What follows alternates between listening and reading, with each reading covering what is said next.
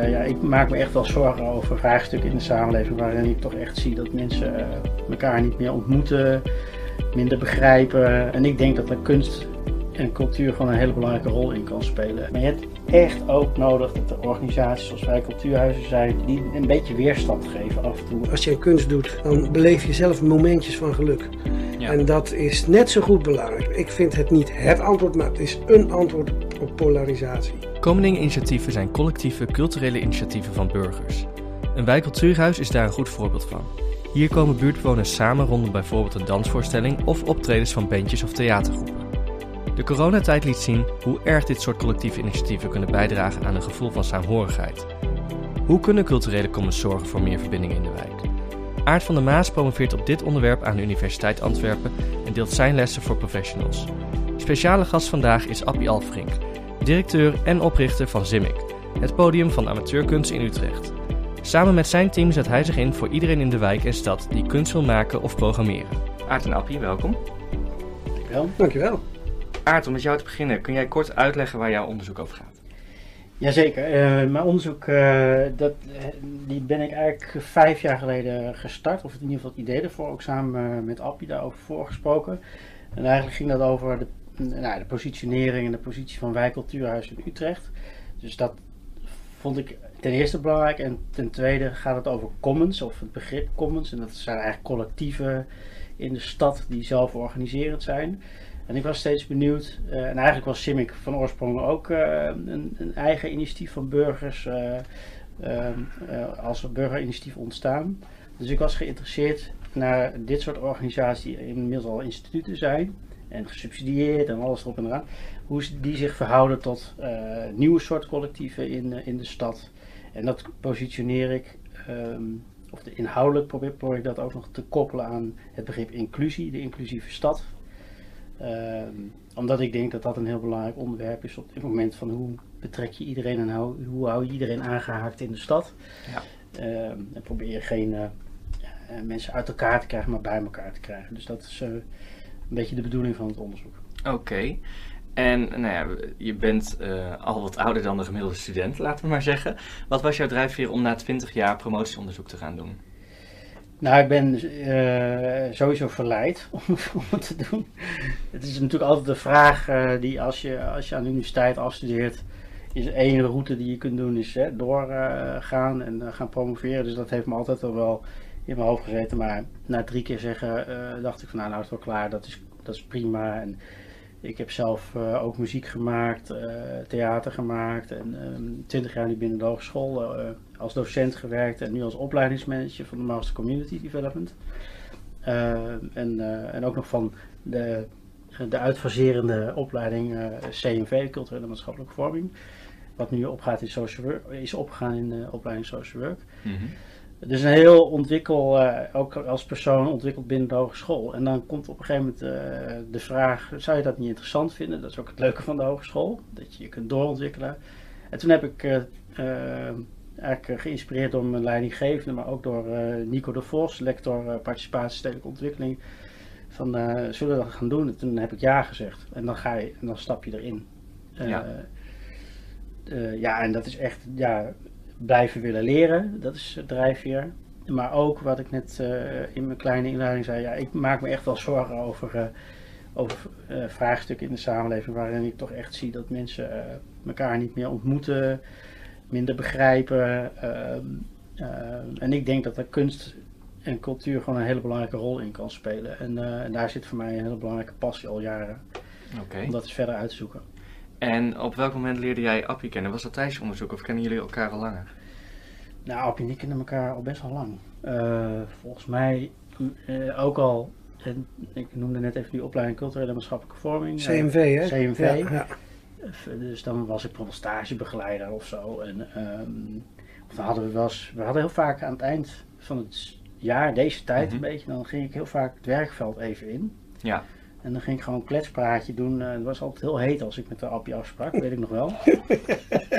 en dan gingen we gewoon weer even bedenken, wat, uh, wat zouden we nog kunnen bedenken? Dus er was altijd wel, zeker met Simic ook, en met Appie in, in het bijzonder altijd als het drijf van kunnen we niet nog iets leuks verzinnen. Uh, een grotere opdracht voor meerdere studenten of stages versterken of wat ook. Dus die relatie hebben we al heel lang. Ja. Oké.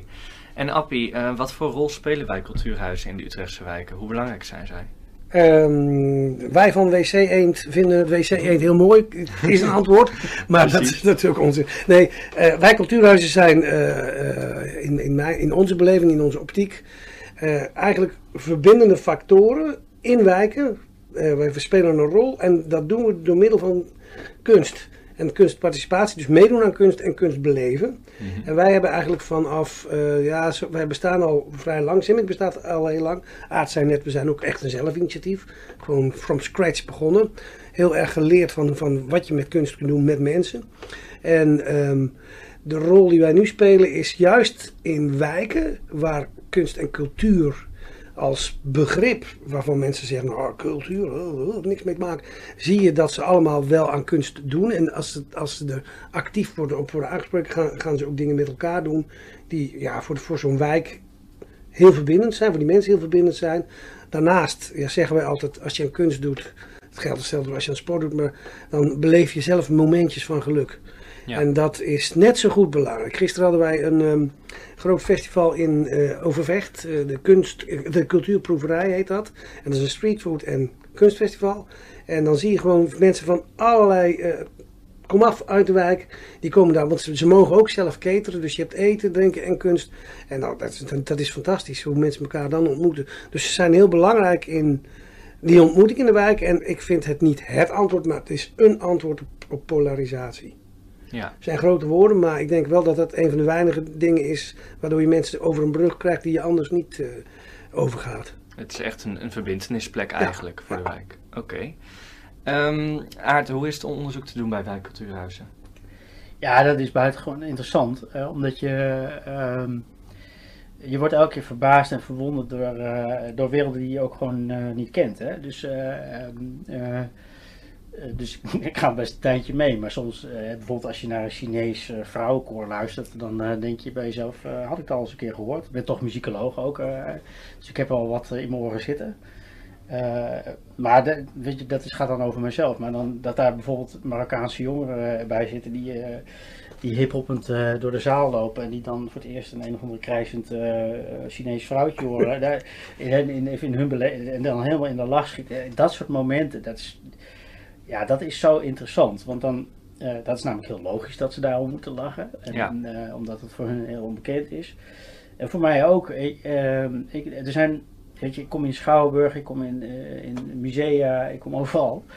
Maar als je bij een wijkcultuur zit er echt een, ja, echt een afspiegeling van de wijk in het publiek. Ja. En dat is toch door de manier waarop ze dat willen aanpakken. Dus, en dat vind ik echt, dat is ook echt Europees uniek te noemen uh, is mij wel opgevallen dat, uh, dat bijvoorbeeld Simic al meer dan 30 jaar vaste plek heeft in de stad. Uh, ontstaan vanuit enthousiaste bandleden met elkaar. die zeggen, we willen eigenlijk nog wat meer met elkaar kunnen betekenen. En zo is bij elk wijkcultuur is een eigen verhaal. Dus in West is het een ander oprichtingsverhaal dan in, dan in Overvecht. Of, dus het, het vanuit de wijk denken, uh, vanuit de mensen die daar ook zijn, maakt dat je altijd iets anders ziet en dat je verwonderd kunt zijn. Dus dat vind ik, dat vind ik heel bijzonder. En uh, het ontregelt mezelf ook, want ik denk, ja, ik weet het nu wel, nee, dus niet. Want je hebt elke keer iets nieuws en iets interessants. En, ja, je blijft ontdekken eigenlijk. Ja, het is ook niet altijd leuk trouwens hoor. Dus het is ook soms dat je denkt, nou, Nee, maar ja, voor een ander is dat misschien dan wel weer heel leuk. Precies, en, dat, en dat, is waar het over gaat. En dat gaat ook, uh, nou, wat, uh, de polariseren, uh, dat wordt ook wat vormgegeven. Dus je wil juist verschillen bij elkaar brengen. Om ook gesprek en dialoog op gang te brengen. Dat vind ik, vind ik het hele bijzondere aan. En wat is dan een van de meest bijzondere of mooie gesprekken die je hebt gehad in zo'n wijkcultuurhuis? Waarvan je dacht van wow, dat is wel echt iets bijzonders. Nou, de, de meeste de, die me nu even, het zijn er meer, maar wat me nu echt even te binnen springt, is, uh, uh, is een vrouw, waar, een Hindoestaanse vrouw, die vertelt dat haar partner is overleden. En dat is dan echt al jaren geleden. En echt zegt van, ja, dit is voor het eerst dat ik weer zing. voor een project die wij dan samen, het was een verkennend onderzoek een tijd geleden. Maar die vertelt dan gewoon ehm, dus dan zet ik haar gewoon eh, ik had het idee bedacht van ik vraag die mevrouw om te poseren zoals ze stond toen ze 16 was. Ja. Dus ze ging gewoon staan, een beetje, een beetje onderuit gehangen, een beetje stoerig, eh 16. En ze was echt aan het zoeken en aan het giechelen. En toen kwam ze op dit verhaal van haar man, eh, waar ze zo lang was, maar die overleden was. En dat dit voor het eerst het project was dat ze weer durfde en wilde, de lust had om weer te gaan zingen. Ja. Ja, daar krijg je echt kippenvel. Dat is echt eh, heel bijzonder. Ja, een heel mooi voorbeeld inderdaad. Eigenlijk een vraag voor jullie allebei wel. Ehm, voor jou misschien Appie wat minder, omdat jij er wat meer mee bezig bent. Maar wat was voor jullie de meest verrassende activiteit die je in een wijkcultuurhuis hebt gezien of hebt ingepland? Poeh, dat, dat, dat is heel lastig om te zeggen. Maar ik, ik, er schoot mij net iets te binnen een van de gesprekken.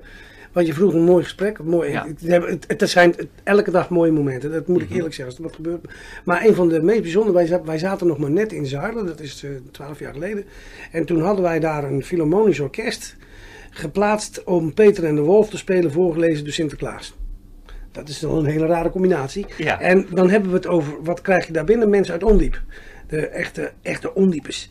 En die kennen de klassieke muziek niet zo. En dan komt Peter, de Wolf komt als, als muziekstuk en Sinterklaas. We hadden daar wel een echte Sinterklaas voor ingehuurd. Namelijk degene die toen ook de nationale Sinterklaas was. Zonder, zonder de Pieter, want dat deden we al niet meer. Toen al niet. En er zit een vrouw naast mij uit Ondiep en die zegt... Och, verrekt, het is de echte Sinterklaas. Dat was het eerste wat ze zei. Ze zei, ja, dat is de echte Sinterklaas. Maar die muziek, wat mooi! En toen het volgende was, want wij hadden kinderen ehm, voorbereidingslessen gedaan. En er waren een paar kinderen uit Ondiep, of een aantal kinderen uit Ondiep, die mochten meespelen. En een van haar was, een, was een van de kinderen die daar zat, was haar kleindochter. En ze zegt, ja, dat meisje, dat wijfje, dat is mijn dochter. En moet je kijken, speelt nog viool. Ik denk dat ze, dat ze moet. En dat vond ik eigenlijk het, wat een, een kippenvelmoment. Ja. Iemand die echt dat helemaal niet meekreeg. Dus, en zo zijn er talloze. Hè. Het, het, het is met, met van alles en nog wat maak je het steeds mee. En het is ook heel leuk om in gesprek te gaan. Als je ik, ik, ik ga vaak kijken, gewoon ook bij onze projecten. Gewoon, je kan altijd aan de praat raken en je, en je krijgt mooie verhalen, mooie belevenissen. Kijk, ja, mooi. Het zijn inderdaad hele leuke, eh, bijzondere voorbeelden. Maar ook gewoon eigenlijk een heel klein dingetje wat Ja. mensen al zo enthousiast en blij maakt. Ja. Eh, nou ja, wat je natuurlijk alleen in een wijkcultuurhuis kan krijgen om WC1 nog maar even aan te halen. Ehm, we hebben het over culturele commons en daarvan is een wijkcultuurhuis een voorbeeld. Maar Aad, kun jij wat specifieker uitleggen wat precies een culturele common is? Ja, en heel technisch eh, is een wijkcultuurhuis een culture common. Dat is een van de onderzoeksonderwerpen. Hè. Dus, eh, eh, en dat zeg ik omdat eh, een common, om mee te beginnen, dat is culture en common. Dus het is Mhm. iets cultureels en het is common. Maar een common, dat is even het belangrijkste eh, eh, om te snappen, is dat het een collectief is die eigenlijk volgens eh, één school buiten de kapitalistische markt en overheidsbeleid kan bestaan. Dus Ja. het is een collectief die een hulpbron eh, met elkaar deelt. En dat kan eh, een materiële, een tastbare bron zijn, zoals een meer, een, een bos, een, eh, een tuin, whatever. Een gebouw, weet je wel.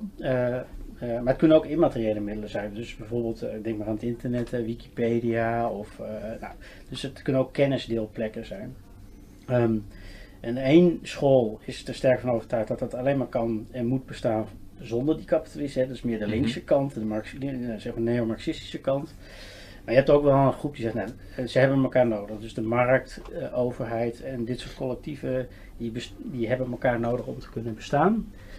Mijn focus heeft het heel erg dat het van onderop ontstaat en dat het ook zelf georganiseerd kan zijn en blijven. En dat de mensen vooral zelf samen bepalen hoe ze met de hulpbron zouden willen omgaan. En dat is heel essentieel. En dat er dus niet vanuit buitenaf wordt gezegd het moet zo, maar dat je dus echt dat zelf kunt doen. Ehm, nou, ik ben zelf toevallig, nou zal niet toevallig zijn, maar ik heb nog eh, jonge kinderen die zijn net naar school, maar daarvoor had ik een oude participatiecrash heet dat. Dat is echt iets heel Utrechts ook weer, net als wijk cultuurhuizen. Mhm. Je hebt er maar één in Amsterdam en eh, zes of zo in eh, Utrecht. Dus dat zegt iets over Utrecht ook. Zeker de jaren tachtig eh, van Utrecht vorige eeuw.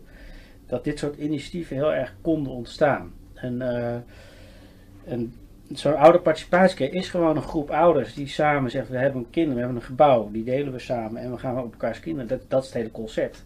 Maar om dat te kunnen doen, moet je allerlei regels met elkaar afspreken. Je hebt commissies, uh, de tuincommissie, dit commissie, dat commissie. Dus er zitten heel veel afspraken tussen die mensen.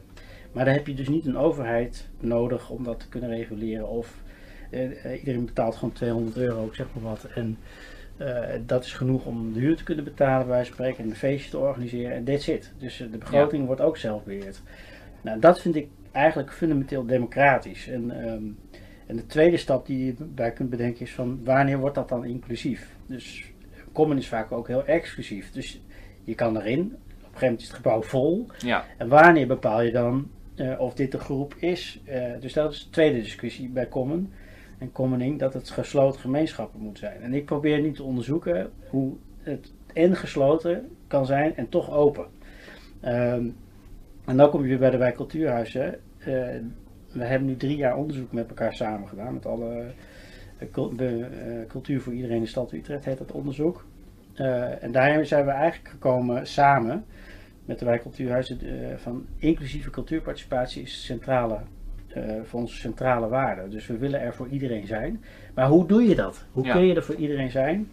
Uh, want tegelijkertijd kan je dat niet altijd zijn. Dus soms moet je ook gewoon afsluiten om uh, er weer voor iedereen te kunnen zijn. Nou, dan geef ik altijd maar het voorbeeld van de Beatles. Daar denkt altijd iedereen van de Fab Four. Mm -hmm. Toen bleek er toch een vijfde te zijn, hè, de, wordt dan gezegd. Maar mijn stelling is, een Beatles is niet vijf. nee, een Beatles is eigenlijk een heel concept geworden waarin uh, uh, het moet een beentje zijn. Maar ze zijn natuurlijk naar India, ze zijn overal. Dus eigenlijk allerlei invloeden komen daar binnen. Mensen, gastmuzikanten, noem het dan maar op. Uh, dat is natuurlijk een heel concept geworden. En zo zie ik eigenlijk een beetje een common. Dat je, het is en, het is eigenlijk think global, act local. Is hetzelfde. Mm -hmm. Het is en exclusief.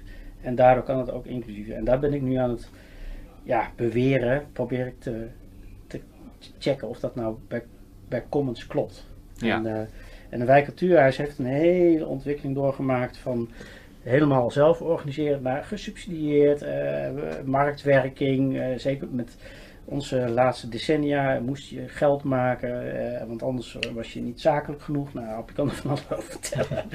dus die hele ontwikkeling, hoe ver zij, zij, kunnen ze dan nog een common zijn? Of, ja. uh, of komt dat in gevaar? Of, nou, dat is een beetje de, uh, waar ik nu mee bezig ben. Daar zit ik nu ongeveer. Ja, leuk dat je er ook over begint van af. Je kan er heel veel over vertellen. Want inderdaad, een van de vervolgvragen die ik had was eigenlijk van hoe staat dat nu met CIMIC? Is dat een, een instituut wat uh, nog steeds heel veel zelf doet en zelf regelt en zelf het geld het laadje inbrengt? Of is het iets wat meer richting marktwerking is gegaan en gesubsidieerd is? Ja, dus en-en, denk ik. Dat, dat is, het is niet of-of, maar en-en. Wat wij, wat wij, we hebben, vanuit CIMIC is er een soort van basis, die hebben we. Dat, dat is wat we ook in stand willen houden. Mm -hmm. Daar zijn we voor gesubsidieerd, daar we proberen ook nog andere middelen aan te wenden. We, we zijn dus ook gewoon een commercieel bedrijf, bij wijze van spreken, door het verhuren van ruimtes. Ja. Waarbij we wel steeds meer aan het kijken zijn nu ook van, maar wat, aan wie willen wij dat eigenlijk wel verhuren? Die fase zitten we nu. Maar, en dat is, dat is een deel van de business, dat is eigenlijk... Uh, Waar, waarop wij ons, onze, onze, onze common kunnen verder bouwen, of commons, want dat zijn. Ik zeg, kijk, eigenlijk we hebben het ook steeds over subcommons. Wij zijn eigenlijk faciliteerder bijna ook van. Je, je zit in een wijk als een soort satelliet, er komen initiatieven binnen en dat zijn ook weer commons en die, die, die, die, geef je, die zet je aan de bal. En Ja. die kunnen we dan weer helpen. Ik vind het woord instituut wil ik eigenlijk vermijden. Wij zijn in de jaren 0 tot aan de jaren 10 waren wij wel geïnstitutionaliseerd. Toen waren we toen wa waren we een instelling waarvan ik zelf zei op een gegeven moment, ik ben eigenlijk niet zo trots meer op wat we aan het doen zijn. Want je belt ons en je krijgt niks, om het maar eens even plat te slaan. Mm -hmm. uh, dus dus dat, dat, toen, toen waren we wel instituutsachtig aan het denken. Hè. We hadden alleen maar adviseurs in dienst en projectleiders en we hadden een grote, dikke managementlaag. En wij zijn ook wel gedwongen, omdat er toen grote bezuinigingen kwamen, hebben we heel erg nagedacht over dat, dat, hoe wij als organisatie moesten zijn. En we hebben gezegd, laten we zorgen dat we ontinstitutionaliseren. Dat we wel echt dat bedrijf zijn, maar dat we vooral ook er nog veel meer voor zorgen dat die mensen, waar we voor zijn, zelf aan de bal komen. Eh, ik, ik kan een, een, een, een- talloze initiatieven noemen die inmiddels voorbij zijn gegaan. Maar toch wel een mooie common vond ik eh, vlakbij Zuilen. We zaten daar toen een jaar of vier. Er was een klein wijkje net achter ons theater en dat werd afgebroken. Ja. En dat bracht een hele hoop emotie met zich mee. Een negatieve emotie, afgebroken, dat wijk. En ehm, eh, er zou wel een nieuwe wijk voor in de plaats komen. En toen was een groep bewoners die zei, maar wij willen hier iets mee, wij willen hier iets mee. En een van die bewoners was ook theaterregisseur en kon film maken. En die zei, weet je wat we, waar we mee beginnen? Die heeft een camera gezet op een kerk die er vlak naast stond. En die heeft die camera heeft gedraaid vanaf het moment van afbraak tot weer opbouw. Is helemaal gefilmd. Aan Ja. één stuk door. Met, die, ehm, met, met dat materiaal wat hij had met zijn bewoners zijn ze uiteindelijk een voorstelling gaan maken. Helemaal door die bewoners. Het enige wat wij steeds deden is van oké, wat hebben jullie hiervoor nodig? Behalve onze zaal. Ook hadden ze organisatiekracht ze nu en dan nodig. Ze hadden ze nu en dan geld nodig. Daar helpen we dan bij. Maar het is van hun. En dat, dat is dus een voorbeeld van, van hoe wij dan te werk gaan. En dat is ook een manier om andere financiële stromen, waar wel iets dan ook bij ons blijft hangen, zodat je verder kan. Eh, maar dat, ja, en dat gaat eigenlijk aan één stuk door, dat, dat proces. ja. Zouden we dan kunnen zeggen dat wij cultuurhuizen eigenlijk een, een, een hub zijn voor Commons? Ja, dat, een hub is een mooi woord. Ja. Ja. We zijn voor, in, in Witte Vrouwen zijn we nu ook nog een hub voor ouderen, voor de oudere community in Utrecht-Oost, Noordoost. En dat is dan weer specifiek common van ouderen die, die ehm, eh, wel hebben aangegeven dat ze behoefte hebben aan beweging, aan, aan cultuur, maar niet wisten waar ze naartoe moesten. En dat, dat brengen we dan ook weer op gang. Ja, eh, wat, wat ik dan aanvullend interessant vind, eh, is dat, eh, dat eh, Appie haalde dat aan. Het was bijna de ondergang van zo'n Zimik. Ja, Ja. Eh, want de stekker, eh, subsidiestekker in dit geval, werd eruit getrokken. En dat is wat, wat, je, eh, eh, wat vaak de kritiek is over die, eh, de, hoe met commons wordt omgegaan. Dus een common is eigenlijk al zelf, dan stop je er een bak subsidie in, dan ga je daar je op organiseren. Hè? Dan kun je dat eigenlijk deels wel of niet waarmaken, vaak niet. Mhm. En want dan moet je volgens richtlijnen die buiten het collectief uitge... moet je dingen gaan nou, verantwoorden, noem het dan maar op. En dan wordt er vervolgens dat verweten dat je niet zakelijk... Nou, noem het dan maar op. Dan word je dus eigenlijk eh, in een keurslijf gedouwd. En, ehm, en daar, dus mijn inter- interesse gaat uit van hoe kun je voorkomen dat een common in die, eh, in die voeg belandt, zou ik maar zeggen. Mhm. Eh, want het verwijt is vaak, ja, een common kan dat zelf niet. Dus wij zijn er om jullie nu te redden met geld of eh, middelen of whatever. En het is interessant inderdaad hoe dat doorcijpelt naar dat een wijkcultuurhuis op zichzelf dat niet wil. Die wil eigenlijk, dat is ook, blijkt uit ons driejarig onderzoek steeds, nee, we willen dat ze het zelf doen. En dat zelf doen, dat, dat noemen wij dan ontwerpprincipes. Dat vraagt om hulpmiddelen die niet van bovenaf opgelegd worden, maar hoe kun je nou een collectief zichzelf laten organiseren. Welke principes liggen daar? Dus niet regels per se of een methodiek, of maar eh, wat zijn soort checkmiddelen die helpen om collectieven zelf ehm, te laten regelen hoe ze het willen. En ehm, ja, dat, zover zijn we nu. En dat zijn we ook nu aan het checken. En mijn promotie gaat eigenlijk nog twee jaar op door, min of meer. Mhm. van, van, om nog een keer te checken van klopt dat nou? En, eh, en dat gaat dus hopelijk ook professionals bij de Wijk Cultuurhuizen ook helpen om dit soort processen goed te kunnen faciliteren, eh, aansturen, initiëren, eh, noem er maar woorden maar op. Maar in ieder geval niet top-down te regelen. Dat, dat Mhm. zou paradoxaal zijn. Ja, je zegt al van ik ben nu twee jaar bezig, ik moet nog twee jaar. Je bent dus op de helft. Wat zijn de belangrijkste resultaten die je tot nu toe hebt? Zit daar iets verrassends tussen? Nou ja, eh, het, belangrijkste resultaat is dat, dat de dingen die ik dacht dat ze echt waar waren, dat je daar wel drie keer over na moet denken. Dus dat Mhm. is heel, zeker als je wat later op je leeftijd promoveert, denk je dat je het allemaal wel ongeveer snapt. Tenminste, in mijn geval eh, had ik wel. eh, nou, dat is weer gezellig op de helling, dus dat is fijn. Eh, dus dat is één. En dat is eigenlijk heel prettig. Dat je, eh, dat je weer opnieuw goed leert nadenken over, eh, als ik dit zeg, klopt dat dan wel? Dus ik ben nu heel erg op behoed om te zeggen, nou dit zijn de tussenresultaten. Wat je in ieder geval, kijk, we hebben gewoon net met dat cultuur voor iedereen, dat is heel, zit heel dicht op mijn promotieonderzoek. Mhm. Hebben we een prachtige presentatie met elkaar gegeven in, eh, in een theaterzaal bij uh. De wethouder, de gemeente is daarbij, die was ook opdrachtgever. Maar ook de deelnemers van het onderzoek allemaal, eh, directie, professionals, maar ook de burgers uit de wijken, zullen we zeggen, die waren aanwezig.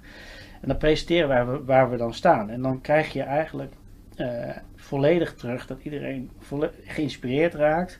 Dat er een handvat ligt om eh, te professionaliseren. Ehm, eh, eh, dat de gemeente van, begrijpt dat ze moeten reflecteren op haar rol.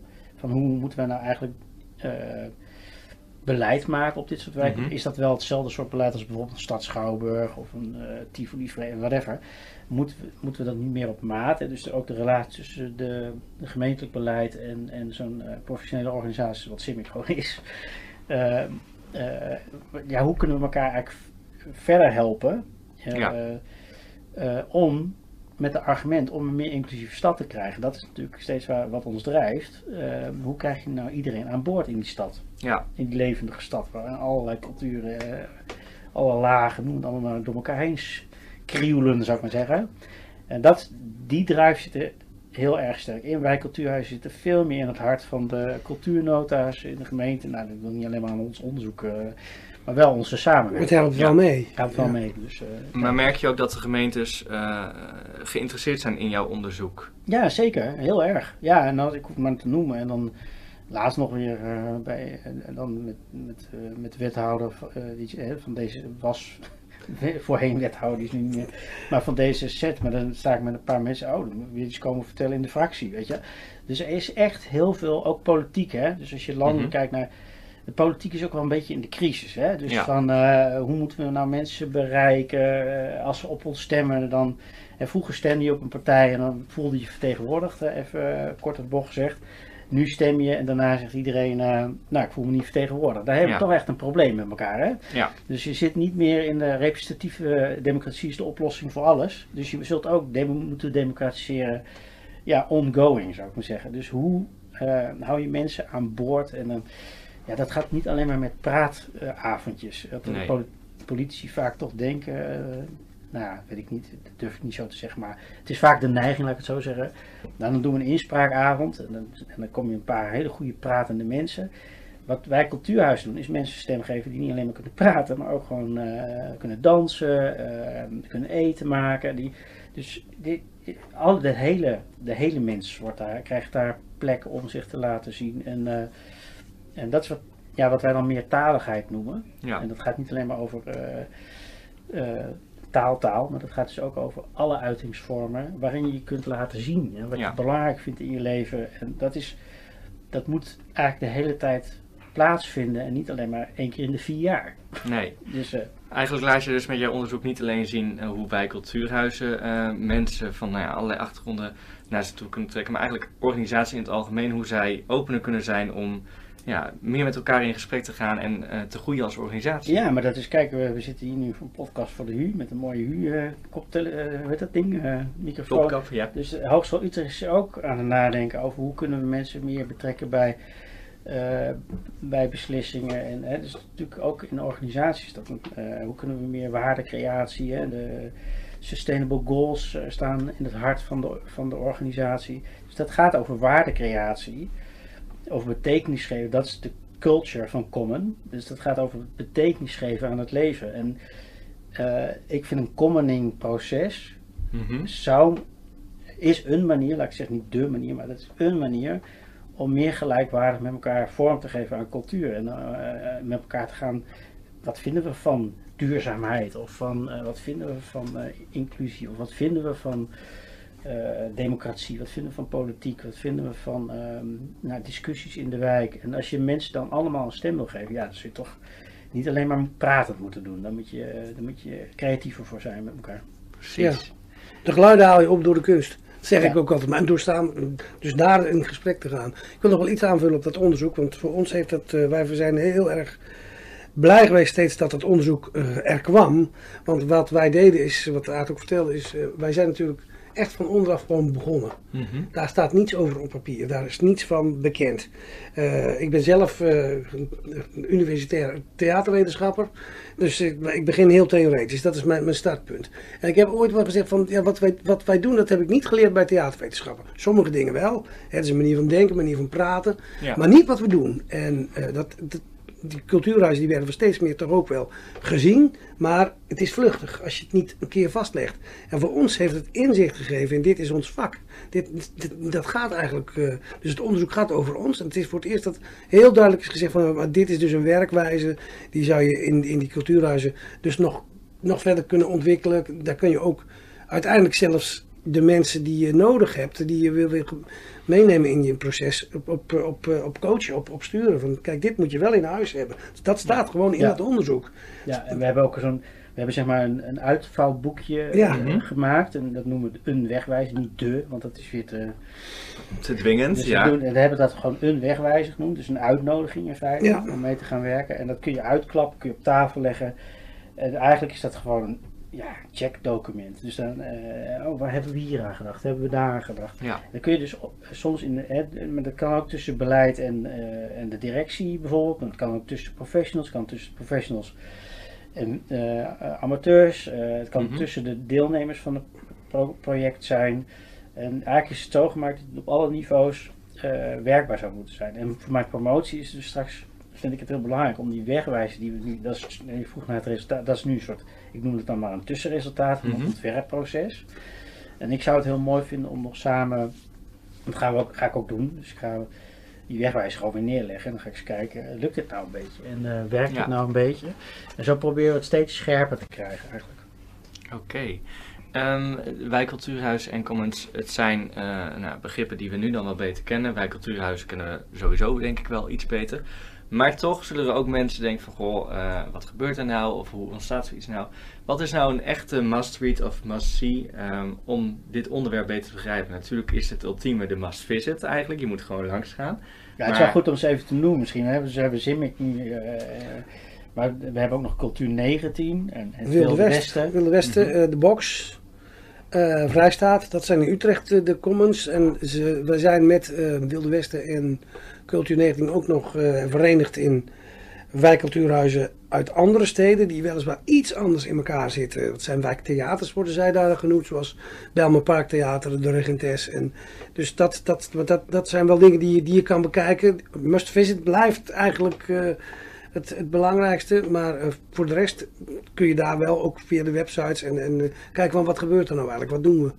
Ja, En dat, het is echt, het is heel leuk om, eh, eh, om gewoon eens binnen te lopen. Ja. En, eh, ehm, en er is ook echt een programmering. eh, kijk eens op de progra- programma's. Je, je- ja, en eh, raak verwonderd. En, en voel je ook uitgenodigd om. Want dat is het hele idee, dat je zelf misschien ook eh, mee kan gaan doen. Eh, dus je kunt publiek zijn, je kunt meedoen, je kunt eh, vrijwilliger zijn, je kunt, je kunt iets Ja. beginnen. Weet je wel, Eh, je hebt allerlei taken en rollen. die, eh, dus je bent niet alleen maar, sterk nog, eh, het zou raar zijn als je alleen maar publiek zou zijn. Dus, Ja. maar je, je mag ook alleen publiek zijn. Kan ook, je kan ja. ook verleid worden om te zeggen, oh, dat wil ik eigenlijk ook wel doen. Eh, dat gebeurt daar. Dat, Ja. is, eh, dat is het leuke eraan. En dat kan je vanuit je wijk doen. Je kunt het ook gewoon eh, in een andere wijk doen. Dat is allemaal hartstikke leuk. En meer theoretisch zou... Ja, want dat common is toch altijd moeilijk uit te leggen. Mhm. Maar ik heb nu een boekje gelezen. Een boekje, echt. Ehm, dat is, het is een boekje. Mhm. Niet een slecht boek in de zin van boekje, maar een boekje ja. dun boekje zo te lezen in het Nederlands. Ehm, en dat is gewoon De Meent.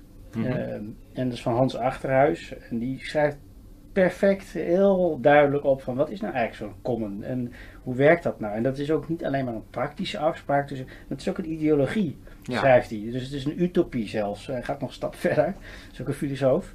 Van het is natuurlijk een andere manier om over de samenleving na te denken dan we een beetje gewend zijn. Van, Ja. Het wordt voor ons geregeld en eh, nee, dit is, nee, mensen pakken zelf. eh, ik, eh, ik vertel steeds meer mensen dat ik van plan ben en ik uh, appie niks en ook buren. Dus misschien wordt hij enthousiast nu. In het Dat echt, in het echt. dat, eh, dat ik wel een stukje krommerijn wil gaan pakken. Ja.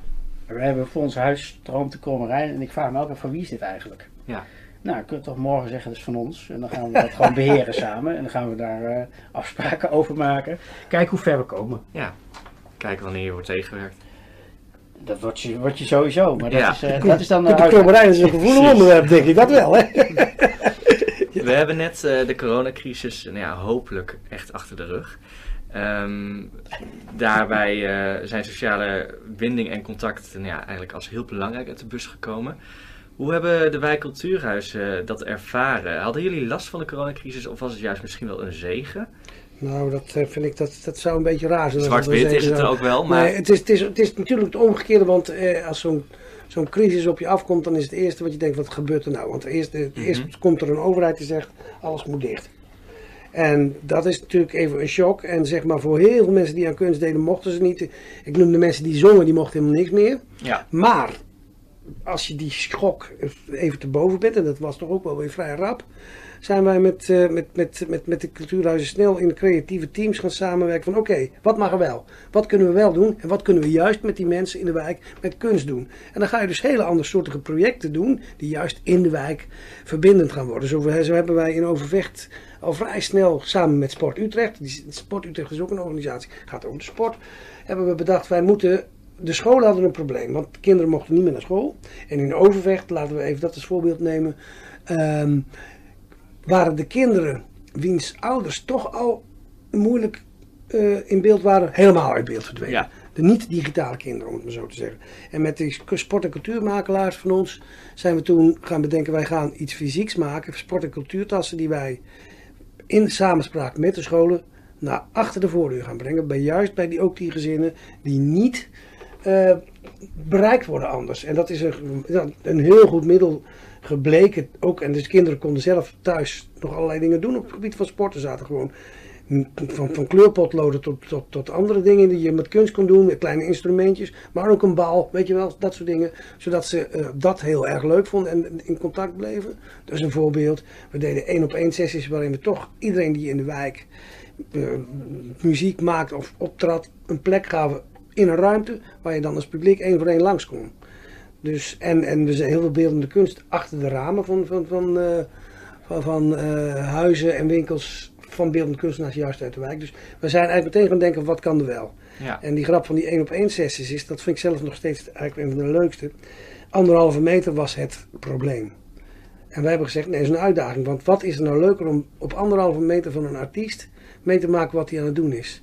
En dat, en dat werkte als een tierling. Mensen gingen daar huilend weg soms. Dat is, Ja. dat is heel ontroerend geworden. Dus zeg maar, eh, daardoor eh, speelden wij een andere, nee, ook weer die rol, eigenlijk die verbindende rol, maar op een intensere manier, waarin je steeds ook weer zo van, wat kan er wel? Want, want dat is steeds de vraag. Ja. Niet, nee, dit kan allemaal niet. Nee, wat kan er wel? Hoe kunnen wij met juist de mensen, en er bleek meteen, heel veel belang, mensen wilden dat ook graag. Ja. Want ze verveelden zich een hoedje.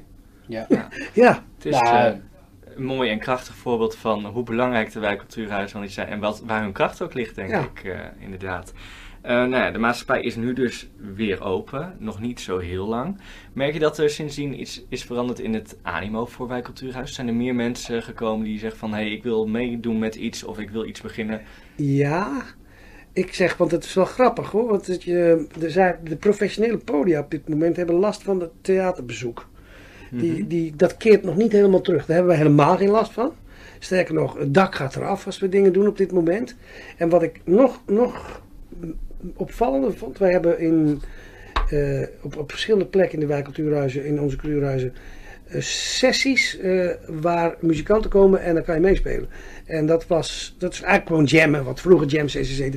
Daar is echt enorm veel belangstelling voor. Je kunnen zomaar 70 mensen in de Stefanus Afrikaanse muziek zitten te maken. En we hebben dat ook met verschillende programmalijnen, hebben we dat, eh, hebben we dat, laten we dat weer eh, door verschillende communities op, commons opzetten.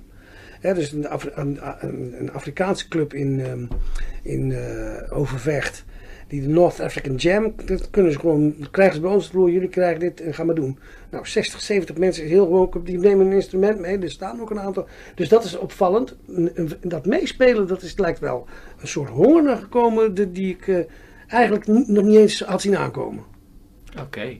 En hoe zit dat met eh, jongeren? Want dat is toch wel een groep waarvan je hoort dat ze de coronacrisis nou ja, eh, zwaar, als zwaar hebben ervaren. Vooral omdat ze juist die sociale contacten en verbindenis eh, misten. Merk je dat er nu ook meer jongeren naar de wijkcultuurhuizen komen met initiatieven en ja, plekken om dan maar samen te komen? Ehm, ja, wij merken dat over de hele linie. Dus net zo goed met jongeren als met, met, eh, met ouderen als met, eh, met kinderen. Eh, jongeren ehm, zijn op een andere manier wel een beetje de weg kwijt. Zeker als je iets groep oudere jongeren neemt, hè, dus de 18 plus. Die het uitgaansleven weer hebben ontdekt. En dat is nog wel even een dingetje, denk ik, waar we ook nog wel over mee moeten. Want uit- die gaan massaal uit op dit moment, echt massaal uit. Mhm. Wij, wij, daar, dat, was die, dat hebben wij niet. Hè. Bij- ons krijg je geen feestjes vieren en die zien tot diep in de nacht. Dat, dat gebeurt ergens anders. Eh, eh, en, en, en dat is, maar dat is nog wel een uitdaging die wij, eh, waarvan we denken, wat, wat, wat kunnen we daar nog mee? Ja, hoe, eigenlijk? hoe kunnen we hun opentrekken Ja. bij de rest van de wijk? We hebben heel veel muzikanten en dat zijn wel veelal jongeren. Die, dat, die meespelers, dat zijn ook veel, veelal jongeren trouwens. Dus ja, Ik ben altijd wel optimistisch ook. Die, die, die, kijk, Ja. die gaan de kelder gewoon weer. En weet je, ook tijdens corona, ik heb die verhalen wel een beetje opgehaald bij jongeren. Ik noemde dat klein verzet, wilde ik heel graag doen een tentoonstelling van maken. Een van de voorbeelden vond ik fantastisch dat jongeren, dat jongeren van studentenhuizen bij elkaar toch op bezoek gingen. Onvermijdelijk natuurlijk. Maar dat ze dan wel hun licht, hun achterlicht en voorlicht uit gingen doen. En dan met een kratje pils over de weg, met die lock, die avondlockdown, over die avondklok. Dat ze dan stiekem in nisjes van het ene huis naar het andere met een krat pil. Ja, ik vind dat gewoon leuke verhalen. Ja. Dan kun je zeggen, het mag niet. En, is En de festivals- gezondheid. Maar de ik, festivals waren verboden, maar de parken zaten ramvol. Ja. en eh, dit is wel een beetje ook de van onderop beweging die ik, eh, die ik toch, ja, er wordt vaak dan tegen me gezegd, ja, je bent altijd van, eh, van niet te regelen, maar dat, is, dat zijn andere regels. En, Ja. eh, en ik, ik heb wel vertrouwen in mensen dat ze zelf wel regels kunnen bepalen soms. En eh, ook bij de corona denk ik dat juist eh de wijkcultuurhuis een soort weerstand positief binnen de wet, echt wel. Maar gewoon wel denken, wacht even, eh, wat staat er nou eigenlijk precies? Nou, maar dan kan dit gewoon wel. En dan kan Ja. dat gewoon wel. Ja, we werden- andere organisaties in de reflex schieten van iedereen thuis, onmiddellijk, geen Ja. contact meer. En dan denk ik, nou, dat slaat weer, snap je? Dus ik denk dat juist die dynamiek heel erg nodig is. En daar begon ik ook mee. Dat die marktwerk en die beleid, weet je, dat heb je allemaal nodig. Maar je hebt echt ook nodig dat er organisaties zoals wij cultuurhuizen zijn, eh, die een beetje weerstand geven af en toe. En de kunsten hebben dat van zichzelf, hè, in principe. Kunst moet ook een beetje kunnen ontregelen af en toe, maar ook troost geven, noem dat maar op. Maar niet, niet alleen maar troost. Het is soms ook een beetje, een beetje kritisch zijn en jongeren. eh, die misschien nu de rad draaien in de stad zijn. Ja, maar mogen ze, weet je wel. Ja. Eh, Ze hebben tijd nodig. Even, even, even, even ademhalen. ja. Ja, Dus ik las nu alweer een stuk, ja, jongeren zijn het eh, uitgaan verleerd, want ze zijn zo agressief. Ik denk, ja, eh, wie schrijft dit op? Eh, wat is dit voor verhaal? En dan ik, nou, dus daar ben ik dan gelijk Ja. geïnteresseerd in. ja, voor hetzelfde geld is een verslaggever wiens bloempot kapot is gegooid. Weet ik het. weet Nou ik ja, het. dan, eh. Maar ja, je kunt dan heel snel bij, ja, zie die jongeren, die zijn, eh, die zijn Ja. helemaal de weg kwijt en ze slopen alles in de stad. Nou, ik ben er zelf niet geweest, ik kan het niet checken. Dus, eh. Nee, het enige is dat, dat hoor ik wel van. De, ze hebben wel echt zin om uit te gaan. Ja, ja, En, het, en Echo, Echo en, en ook dat soort podia, die, die zitten bomvol. ja, ramvol. Ja, ja, Ja. Maar Kijk naar Pinkpop, hè, afgelopen wie- mensen zijn helemaal uitgelaten, joh. Ja. Eindelijk weer eens los. Dus eh, dat, dat, en dat snap ik heel goed. Ik bedoel, ik heb zelf kinderen in de leeftijd van jongeren. Zeg, iets, nou ja, twintigers. Dus eh, ja, die, ik had medelijden met ze toen. En, inderdaad, ze zochten natuurlijk alle gekrochten op. Dat is heel simpel. Maar ehm, dat het nu weer gewoon mag, dat is eh, een bevrijding Ja. voor ze. Wat is de belangrijkste tip die je zou willen meegeven aan iemand die een, een common wil starten? Nou, dat is eh, wat ik zeg, gewoon beginnen. Start cooking, zou ik zeggen. gewoon beginnen, want dat is niet te veel nadenken, maar eh, handelen gewoon. En dat is vaak eh, waar het ook verkeerd gaat. Mensen gaan heel erg lang vergaderen en dan, en dan gebeurt er niks. Kijk, eh Appie had gewoon een beentje, weet je wel. Dan ga je gewoon muziek maken, huppakee. Eh hands-on, dingen doen. Dus het, werkt heel fijn om inderdaad... eh, ik heb eh, twee jaar geleden ook eh, eh, drie vierkante meter ingepikt van, de, ik denk dat het gemeente is, voor ons huis. Eh, en dan gewoon kunstwerk bouwen. En dan, hè, dat gaat, Het blijft leven. blijft leven. Nu staan er allemaal bloemen in. Het is al een kunstwerk. Het is weet ik allemaal niet. En iedereen bemoeit zich. Nou, niet iedereen, maar een paar mensen die hangen in één keer lampjes in. En eh, ik, er is discussie inderdaad allemaal heel ontstaan. Er werd allemaal gewoon vuil gegooid. Maar wat is het? Ik heb gewoon vijf palen in de grond. Ge, eh, het was trouwens veel werk, want dat was heel kleigrond. Dat was niet zo makkelijk. dus ik had palen uit het bos gehaald, in de grond, een paar kinderen erbij uitgenodigd en maken een kunstwerk. En dat was het. Eh, eh, en dan krijg je gelijk, ik wil er een bord bij, dit is gekaapt. Nou, dat vond iemand anders te activistisch, het bord er weer uit, weet je. Dus die, die discussie op gang brengen door gewoon iets heel eenvoudigs, daar begint het soms mee. En, en denken, alles is van ons.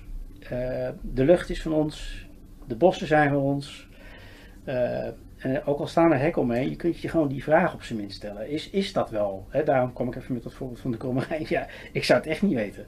Ja. Dat stukje van, uh, wat zal het zijn, 35 meter tussen die twee bruggen. Ik weet niet wie dat beheert, echt niet. Dus dat soort vragen. Het begint ook vanuit verwondering, nieuwsgierigheid. En een tip voor nou ja, aankomende professionals of mensen die nu al professionals zijn, om initiatieven beter te ondersteunen. We hebben elkaar al eerder gesproken en toen had je het onder andere over een, een voorbeeldje met een zwemstijger. Uh, die werd, uh, oh, ja, werd de... weggehaald door de gemeente. Ja. Omdat, Ja, uh, ja, trapje werd eraf gehaald. Nee, nee dit, dit was nog veel Oh, oh, heftiger. oh, Nee, er was een zwemcollectief. Eh, die zwommen in een meertje. Ik weet niet meer precies waar, maar die hadden gewoon sa- samen, dat is dus hè, ook weer, gewoon nou, moeilijk om in het water te komen, hadden ze een stijger gebouwd. Ja, Nou, het is gewoon heel onschuldig en leuk en lief en zo. Die gingen daar elke, weet ik veel, ik stel het me zo voor, elke zondag eh, samen zwemmen. En van een op de andere dag was er een of andere boel daar, die had het hele stijgertje weggehaald. Gehaald. En dan, dan, ja, dan moet je dus iets krijgen van, wat, wat, dit is wat ik bedoel met eh, iets wat eigenlijk heel onschuldig en prettig en fijn is. Mhm. Wordt dan eigenlijk stuk gemaakt door, ja, toch is dat soms een overheid of zo. Dat is niet, ik vul het nu maar in, want ik heb het niet uitgezocht. Dat het niet veilig is, of dat het niet volgens de regels is, of... eh, En wat hadden ze dan eigenlijk moeten doen volgens jou? Ja, dat is ingewikkeld. Hè? Dus een common moet nooit eens naar binnen gekeerd zijn. Hè? Dus dat is wat ik ook noemde, van het moet nooit exclusief zijn. Dus je Mhm. moet, dus een van onze ontwerpprincipes is dat een common altijd naar buiten moet gaan. Dat hoor je in Appels verhaal. Een wijkcultuurhuis kan niet instituut zijn wat naar binnen gekeerd is. Nee. Het is altijd expanding, Ja. in het Engels dan. Dus altijd uitbreidend. Dat betekent dat je zowel naar binnen het goed moet organiseren eh, en door dat te doen, naar buiten. En daarom geef ik die voorbeeld van Beatles bijvoorbeeld ook, of de Stones.